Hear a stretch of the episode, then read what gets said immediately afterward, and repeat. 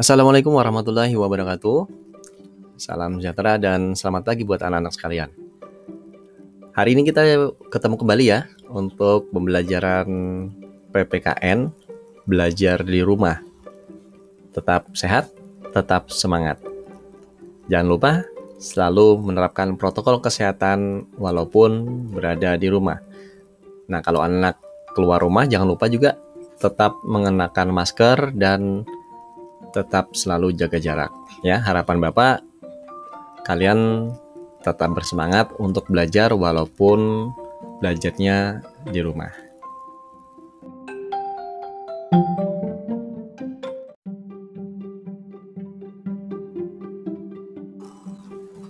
Baiklah, untuk memulai pembelajaran hari ini, ya dipastikan dulu anak-anak sudah mempersiapkan alat tulisnya, kemudian juga mempersiapkan uh, buku paket ya buku paket PPKN yang sudah dipinjam di perpustakaan.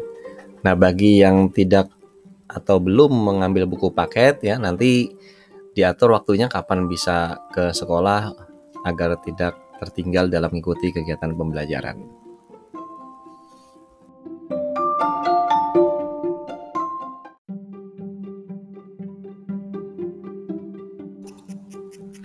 Uh, baiklah, sebelum kita melanjutkan ke pokok bahasan hari ini, kembali Bapak mengingatkan ya anak-anak pertama jangan lupa untuk mengisi daftar hadir ya.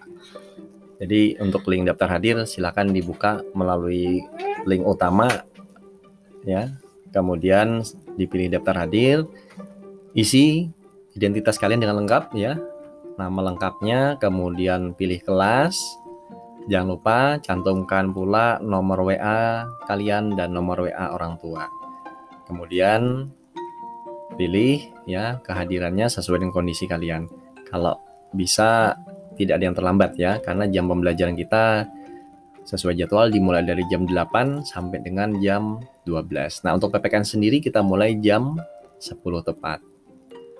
Nah, untuk absen ya atau link absennya nanti hari ini agak berbeda karena Bapak perpanjang ya untuk absennya bisa sampai dengan jam 8 malam.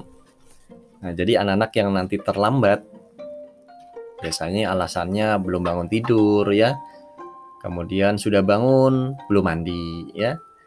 Sudah bangun, sudah mandi, belum sarapan ya.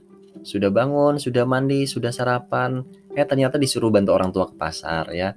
Nah, jadi yang ada kendala mengikuti pembelajaran dari jam 8, eh, jam 10 sampai dengan jam 12 sesuai dengan jadwal yang diberikan. Ya, anak-anak boleh nanti menggunakan waktu yang ada, Bapak batasi sampai dengan jam 8 malam, ya. Kita buat fleksibel ya, tidak terlalu kaku.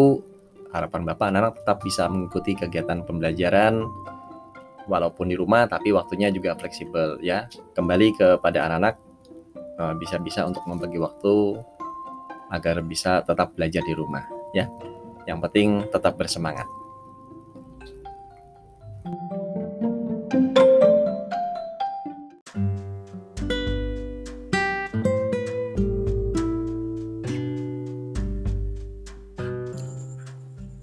Baiklah anak-anak, sudah siap untuk belajar? Bahan belajar kita adalah buku paket Pendidikan Pancasila dan Kewarganegaraan kelas 9 halaman 1 sampai dengan halaman 11.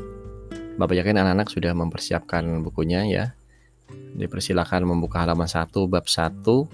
Pokok bahasan kita tentang dinamika perwujudan Pancasila sebagai dasar negara dan pandangan hidup bangsa. Nah, baiklah, untuk memulai pembelajaran kita hari ini, marilah kita bersama-sama terlebih dahulu mendengarkan lagu wajib nasional yang berjudul Garuda Pancasila ciptaan Sudarnoto. Bapak harapkan anak semua bisa menyimak dan mendengarkan dengan baik. Yang belum hafal ya bisa sambil juga uh, diikuti ya. Karena liriknya juga uh, sedikit banyak masuk dalam pokok bahasan uh, materi kita. Selamat mendengarkan.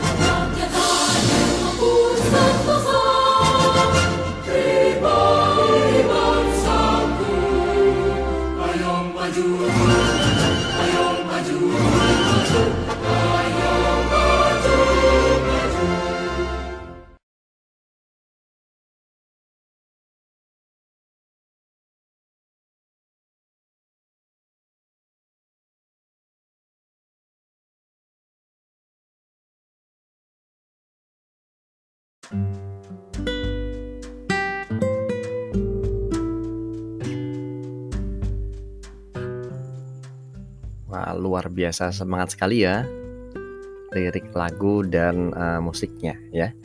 Kita harapkan setelah kita mendengar dan menyanyikan bersama-sama lagu wajib nasional Garuda Pancasila, anak-anak juga semakin bersemangat untuk mempelajari tema tentang Pancasila. Nah, baiklah anak-anak sekalian, di kelas 7 dan kelas 8 kalian sudah mempelajari materi kaitannya tentang kedudukan Pancasila. Di kelas 7 sudah belajar tentang perumusan dan pengesahan Pancasila sebagai dasar negara. Kemudian dilanjutkan di kelas 8 juga sudah dipelajari nilai-nilai Pancasila sebagai dasar negara dan pandangan hidup bangsa ya.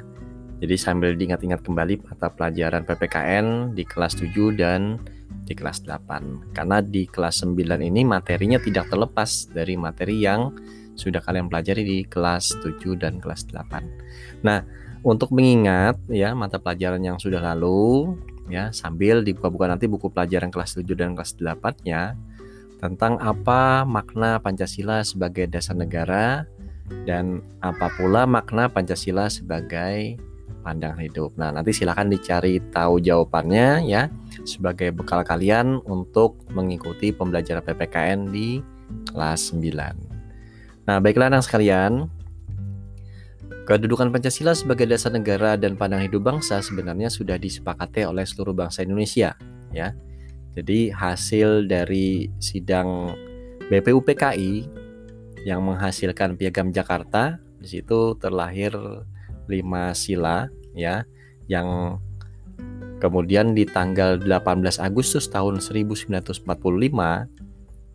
Kelima sila tersebut disempurnakan oleh PPKI menjadi rumusan Pancasila sebagai dasar negara. Yang perbaikan atau revisinya terletak pada alinea ke-1 eh, maaf, terletak pada alinea keempat Undang-Undang Dasar Negara Republik Indonesia tahun 1945 yang berbunyi menjalankan syariat Islam bagi pemeluk-pemeluknya itu kemudian dirubah menjadi ketuhanan yang Maha Esa ya. Jadi itu merupakan kesepakatan uh, seluruh bangsa Indonesia terhadap dasar negara kita yaitu Pancasila.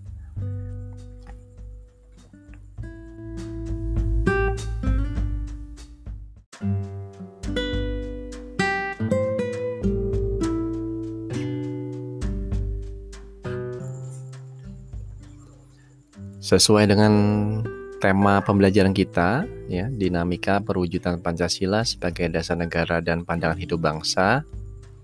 Ternyata dalam prakteknya, ya, dalam sejarah bangsa kita, ternyata Pancasila sebagai dasar negara sekaligus sebagai pandangan hidup bangsa juga mengalami pasang surut, ya. Jadi mulai dari sebelum Indonesia merdeka, kemudian setelah kita merdeka, sampai dengan zaman sekarang ya, masa reformasi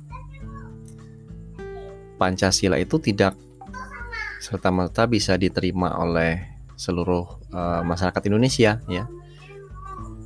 Jadi banyak sekali fakta sejarah yang mencatat bahwa upaya-upaya berbagai pihak ya oknum-oknum yang memang tidak senang dengan Pancasila juga melakukan berbagai macam uh, tindakan yang mengancam terhadap Pancasila sebagai dasar negara.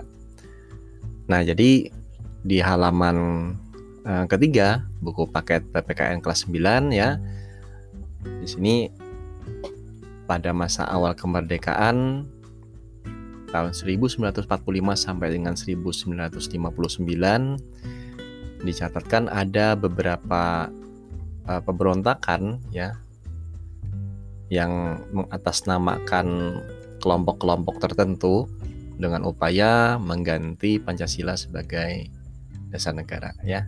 Jadi Bapak minta nanti anak-anak dibaca, kemudian juga coba dicari sumber pengetahuan atau sumber bacaan yang lain ya selain yang ada di dalam buku paket ini. Ya, contoh saja nih ada upaya-upaya untuk mengganti Pancasila sebagai dasar negara ya, seperti pemberontakan Partai Komunis Indonesia di Madiun pada tahun 1948. Nah, jadi PKI ini pertama kali di Indonesia sudah ada tahun 1948. Kemudian berlanjut lagi di tahun 1965 ya dengan adanya gerakan 30 September. Kemudian ada pemberontakan Darul Islam atau Tentara Islam Indonesia. Ada juga pemberontakan Republik Maluku Selatan ya, disingkat RMS ada juga PRRI ya, Pemerintah Revolusioner Republik Indonesia dan APRA ya, Angkatan Perang Ratu Adil. Nah, nanti dibaca lagi sama anak-anak ya. Kalau misalnya nanti ada yang tidak dipahami, bisa nanti uh, bertanya melalui link forum tanya jawab yang sudah Bapak sediakan.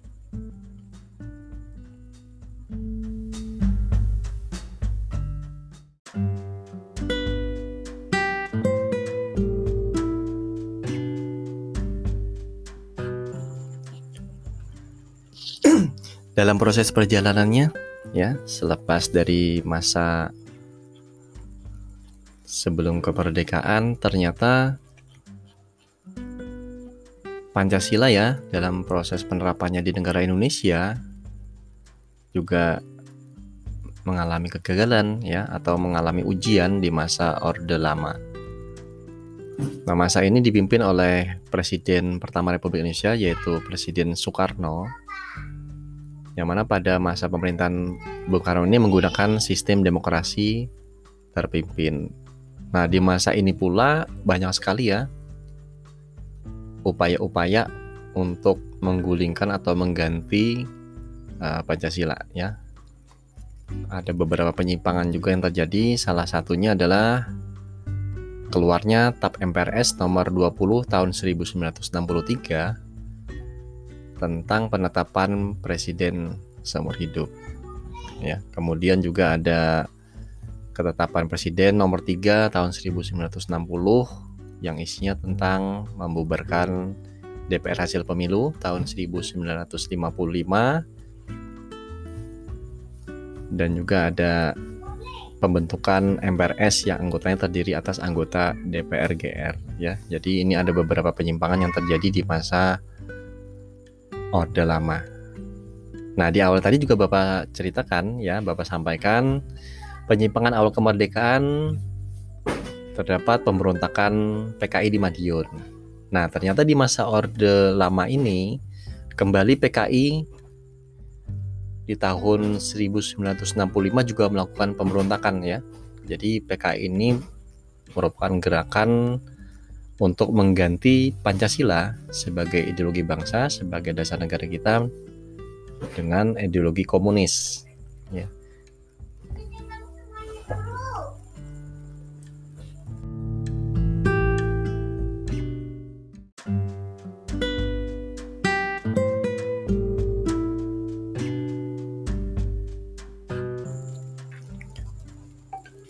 Masa Orde Lama ya berakhir dengan pukulan paling keras kepada Presiden pertama Republik Indonesia, Insinyur Soekarno, pada saat pertanggungjawaban beliau di depan MPRS ya. Pada saat itu kalau tidak salah dalam pidato beliau pidato Nawaksara ya, yang pada saat itu juga pidato beliau ditolak tentang uh, Partai Komunis Indonesia. Nah, dengan gugurnya atau jatuhnya Bung Karno sebagai presiden pertama, maka berganti pula lah masa Orde Lama menjadi Orde Baru ya yang dipimpin oleh presiden yang kedua yaitu Bapak Jenderal Soeharto yang pada awal mulanya beliau menerima tugas untuk mengembalikan stabilitas negara ya, setelah adanya pemberontakan oleh PKI. Nah, di masa Presiden Soeharto ya atau dikenal sebagai Bapak Pembangunan ya. Beliau ini adalah presiden terlama yang menjabat di Indonesia pada masa era Orde Baru. Harapannya ya Pancasila dapat berjalan dengan baik ya, kemudian dapat diwujudkan dalam kehidupan berbangsa dan bernegara ya. Tetapi dalam proses pelaksananya ternyata juga masih terdapat berbagai macam penyimpangan ya. Salah satunya adalah pada saat itu lembaga kepresidenan malah menjadi lembaga pengontrol ya bagi lembaga-lembaga negara yang lain ya. Padahal presiden dan menteri itu merupakan lembaga eksekutif atau lembaga yang melaksanakan undang-undang ya. Jadi sebenarnya kewenangannya terpisah dengan lembaga legislatif ya yang anggota-anggotanya lembaganya terdiri dari DPR, DPD, MPR ya sebagai lembaga yang menyusun dan menetapkan undang-undang. Nah, tetapi pada saat Orde Baru malah terbalik ya. Jadi lembaga eksekutif atau kepresiden malah mengontrol ya, mengontrol lembaga uh, apa namanya legislatif atau parlemen sesuai dengan uh, penguasa pada saat itu. Nah, kemudian juga penyimpangan yang terjadi pada masa Orde Baru adalah pembatasan partai politik ya. Kalau pada masa Orde Baru, partai politik yang ada hanya boleh tiga saja, yaitu P3 ya, Partai Persatuan Pembangunan, kemudian ada Partai Golongan Karya ya yang disingkat Golkar dan Partai Demokrasi Indonesia atau PDI. Nah, kalau yang sekarang itu namanya PDIP, Partai Demokrasi Indonesia Perjuangan itu merupakan pecahan dari Partai PDIP pada masa Orde Baru. Nah, penyimpangan yang lain juga terjadi pada masa Orde Baru adalah adanya pembatasan terhadap kebebasan pers dan kebebasan berpendapat ya. Jadi masa Orde Baru itu tidak seperti sekarang ya. Yang namanya televisi, kemudian media cetak seperti koran ya. Itu mudah sekali untuk menyampaikan informasi uh, situasi tentang negara atau memberikan kritikan terhadap pemerintah. Ya, kalau sekarang di masa reformasi luar biasa bebas ya. Bahkan sudah terlalu bebas sehingga tidak uh, memikirkan lagi batasan-batasan uh, normatif atau batasan-batasan yang memang tidak boleh dilanggar. Nah, nanti anak-anak coba untuk mencari informasi lebih lengkap ya di media sosial boleh ya atau melalui Google tentang bagaimana kondisi pemerintahan ya yang ada pada masa Orde Lama kemudian juga yang terjadi pada masa Orde Baru ya. Jadi ini kita bercerita tentang uh, sejarah.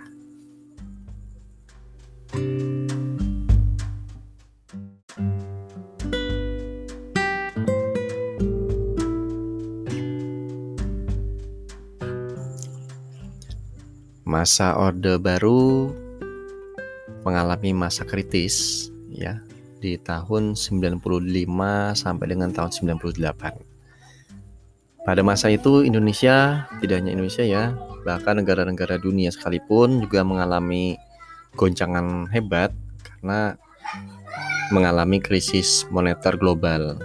Ya, jadi harga nilai uh, nilai tukar rupiah itu luar biasa jatuh ya.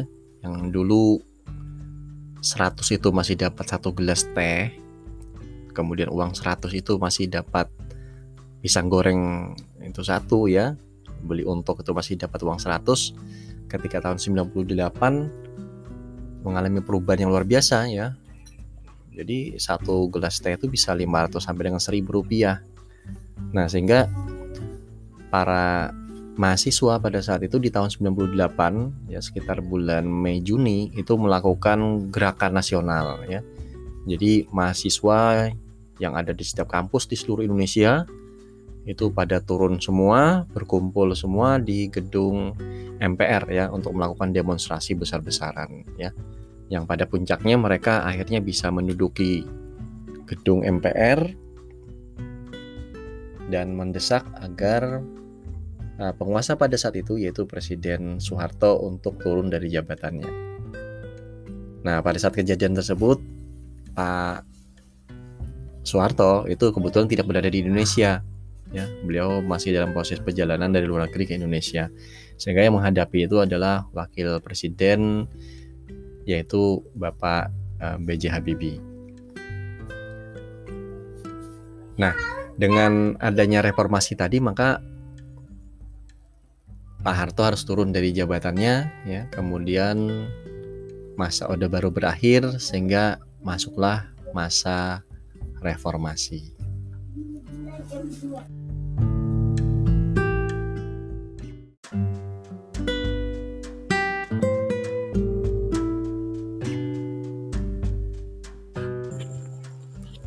anak-anak sekalian, di masa reformasi ini penerapan Pancasila sebagai dasar negara juga tidak serta-merta lebih ringan tantangannya daripada masa awal kemerdekaan, masa Orde Lama maupun masa Orde Baru ya.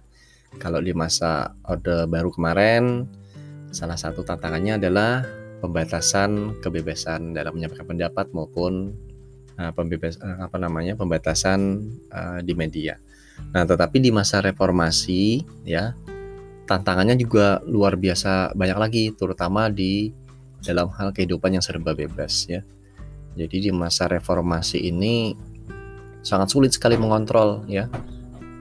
Mengontrol kebebasan berbicara, berorganisasi, berekspresi ya. Bahkan bentuknya bermacam-macam ya. Nah, seperti sekarang nih anak-anak belajar melalui media sosial ya, kemudian melalui media uh, dalam jaringan Ya, ini merupakan kebebasan eh, dalam hal menyampaikan pendapat. Kebebasan menggunakan media, ya. Sangat sulit sekali untuk mengontrolnya.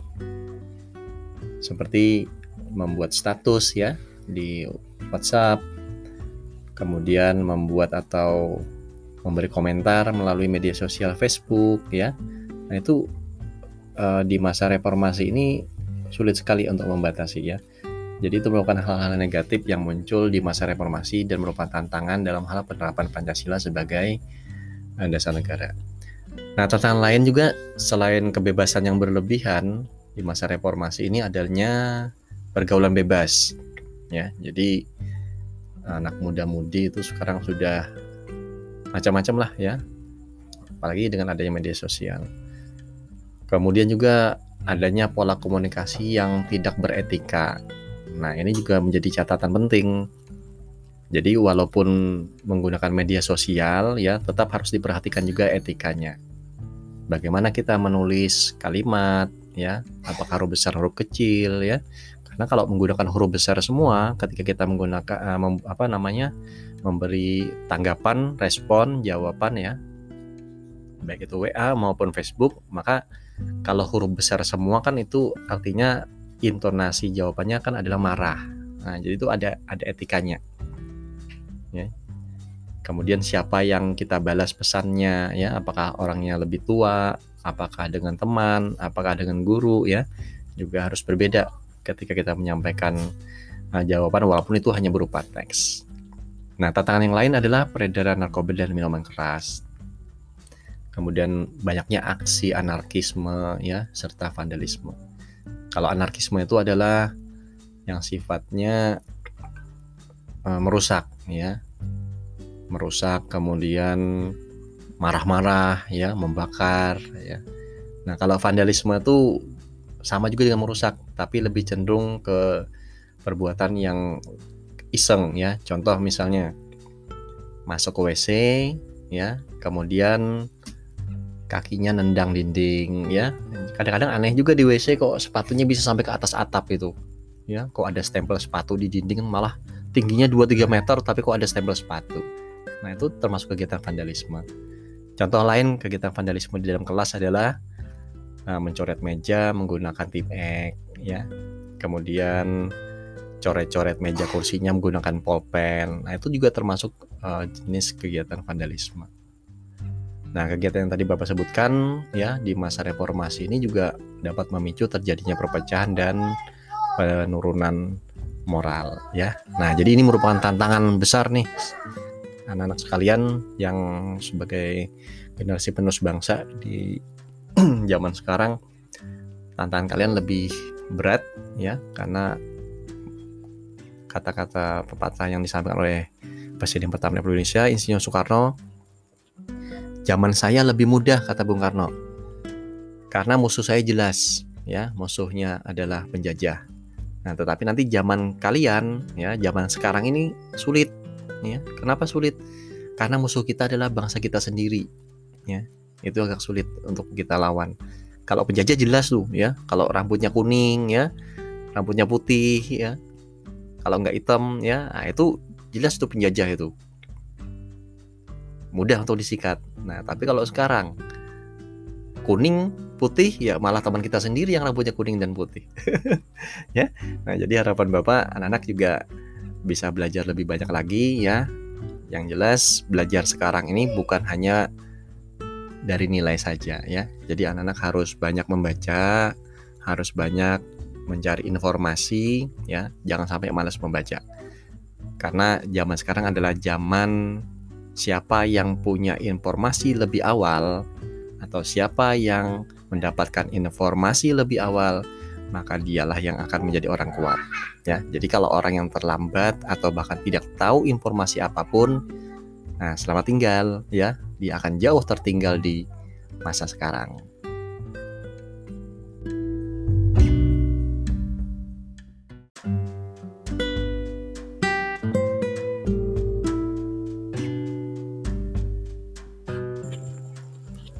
Eh, anak-anak sekalian di masa reformasi ini, ya, penerapan Pancasila sebagai dasar negara juga tidak serta-merta lebih ringan tantangannya daripada masa awal kemerdekaan, masa Orde Lama maupun masa Orde Baru ya. Kalau di masa Orde Baru kemarin salah satu tantangannya adalah pembatasan kebebasan dalam menyampaikan pendapat maupun uh, pembebas uh, apa namanya pembatasan uh, di media. Nah, tetapi di masa reformasi ya tantangannya juga luar biasa banyak lagi terutama di dalam hal kehidupan yang serba bebas ya. Jadi di masa reformasi ini sangat sulit sekali mengontrol ya. Mengontrol kebebasan berbicara, berorganisasi, berekspresi ya. Bahkan bentuknya bermacam-macam ya. Nah, seperti sekarang nih anak-anak belajar melalui media sosial ya, kemudian melalui media uh, dalam jaringan. Ya ini merupakan kebebasan uh, dalam hal menyampaikan pendapat. Kebebasan menggunakan media ya, sangat sulit sekali untuk mengontrolnya. Seperti membuat status ya di WhatsApp, kemudian membuat atau memberi komentar melalui media sosial Facebook ya. Nah, itu uh, di masa reformasi ini sulit sekali untuk membatasi ya. Jadi itu merupakan hal-hal negatif yang muncul di masa reformasi dan merupakan tantangan dalam hal penerapan Pancasila sebagai uh, dasar negara. Nah, tantangan lain juga selain kebebasan yang berlebihan di masa reformasi ini adanya pergaulan bebas. Ya, jadi anak muda-mudi itu sekarang sudah macam-macam lah ya. Apalagi dengan adanya media sosial. Kemudian juga adanya pola komunikasi yang tidak beretika. Nah, ini juga menjadi catatan penting. Jadi walaupun menggunakan media sosial ya, tetap harus diperhatikan juga etikanya. Bagaimana kita menulis kalimat ya, apakah huruf besar huruf kecil ya. Karena kalau menggunakan huruf besar semua ketika kita menggunakan uh, apa namanya? memberi tanggapan, respon, jawaban ya, baik itu WA maupun Facebook, maka kalau huruf besar semua kan itu artinya intonasi jawabannya kan adalah marah. Nah, jadi itu ada ada etikanya. Ya. Kemudian siapa yang kita balas pesannya ya, apakah orangnya lebih tua, apakah dengan teman, apakah dengan guru ya, juga harus berbeda ketika kita menyampaikan uh, jawaban walaupun itu hanya berupa teks. Nah, tantangan yang lain adalah peredaran narkoba dan minuman keras kemudian banyaknya aksi anarkisme ya serta vandalisme. Kalau anarkisme itu adalah yang sifatnya uh, merusak ya. Merusak kemudian marah-marah ya, membakar ya. Nah, kalau vandalisme itu sama juga dengan merusak, tapi lebih cenderung ke perbuatan yang iseng ya. Contoh misalnya masuk ke WC ya, kemudian kakinya nendang dinding ya kadang-kadang aneh juga di WC kok sepatunya bisa sampai ke atas atap itu ya kok ada stempel sepatu di dinding malah tingginya 2-3 meter tapi kok ada stempel sepatu nah itu termasuk kegiatan vandalisme. Contoh lain kegiatan vandalisme di dalam kelas adalah uh, mencoret meja menggunakan tip X ya. Kemudian coret-coret meja kursinya menggunakan pulpen nah itu juga termasuk uh, jenis kegiatan vandalisme. Nah, kegiatan yang tadi Bapak sebutkan ya di masa reformasi ini juga dapat memicu terjadinya perpecahan dan penurunan moral ya. Nah, jadi ini merupakan tantangan besar nih anak-anak sekalian yang sebagai generasi penerus bangsa di zaman sekarang tantangan kalian lebih berat ya karena kata-kata pepatah yang disampaikan oleh Presiden pertama Republik Indonesia Insinyur Soekarno Zaman saya lebih mudah kata Bung Karno. Karena musuh saya jelas, ya, musuhnya adalah penjajah. Nah, tetapi nanti zaman kalian, ya, zaman sekarang ini sulit, ya. Kenapa sulit? Karena musuh kita adalah bangsa kita sendiri, ya. Itu agak sulit untuk kita lawan. Kalau penjajah jelas tuh, ya. Kalau rambutnya kuning, ya, rambutnya putih, ya. Kalau nggak hitam, ya, nah, itu jelas tuh penjajah itu mudah untuk disikat. Nah, tapi kalau sekarang kuning, putih, ya malah teman kita sendiri yang rambutnya kuning dan putih. ya. Nah, jadi harapan Bapak anak-anak juga bisa belajar lebih banyak lagi ya. Yang jelas belajar sekarang ini bukan hanya dari nilai saja ya. Jadi anak-anak harus banyak membaca, harus banyak mencari informasi ya. Jangan sampai malas membaca.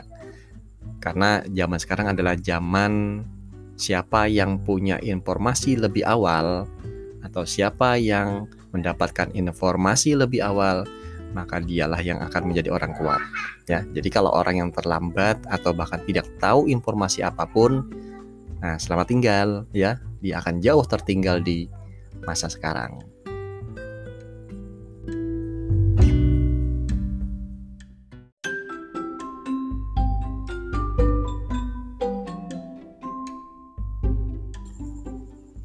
Bagaimana anak? Sudah cukup penjelasan yang Bapak sampaikan berkenaan tentang perwujudan Pancasila sebagai dasar negara dan pandangan hidup bangsa. Nah, pada hari ini kita hanya membahas tentang bagaimana penerapan Pancasila dari masa ke masa, yaitu dari masa awal kemerdekaan, kemudian masa Orde Lama, masa Orde Baru, dan masa reformasi ya. Tidak ada tugas ya. Jadi Bapak minta anak-anak cukup membaca ya, kemudian lebih memperbanyak lagi informasinya ya. Jadi karena di buku paket kalian dari halaman 1 sampai dengan halaman 11 itu informasinya sangat terbatas sekali. Jadi harap Bapak harapkan anak-anak juga uh, bisa mencari informasi yang lain ya menggunakan fasilitas media sosial ya melalui Google supaya nanti juga wawasan kalian semakin bertambah. Nah, penugasannya minggu depan ya. Jadi minggu depan nanti akan ada tugas yang nanti akan kita kerjakan. Tidak tahu nanti ya apakah nanti dikerjakan uh, individu atau masing-masing atau juga nanti dikerjakan secara berkelompok. Teknis dan caranya ditunggu minggu depan ya. Nah, setelah ini Bapak minta anak-anak uh, untuk tanya jawab ya, boleh bertanya. Nanti bisa Bapak jawab atau mungkin nanti kalau ada teman-teman yang bisa menjawab juga boleh langsung uh, memberi jawaban kepada pertanyaan temannya ya. Semua aktivitas akan Bapak berikan penilaian ya. Silakan nanti tanya jawabnya melalui link yang Bapak berikan melalui grup WhatsApp pembelajaran. Tetap sehat, tetap semangat. Jangan lupa sholat ibadahnya di rumah jangan sampai tertinggal. Demikian dari Bapak, sukses buat anak sekalian. Kita akhiri untuk pembelajaran hari ini, untuk minggu ini, tanggal 24 Juli 2020. Assalamualaikum warahmatullahi wabarakatuh. Salam sejahtera dan selamat pagi.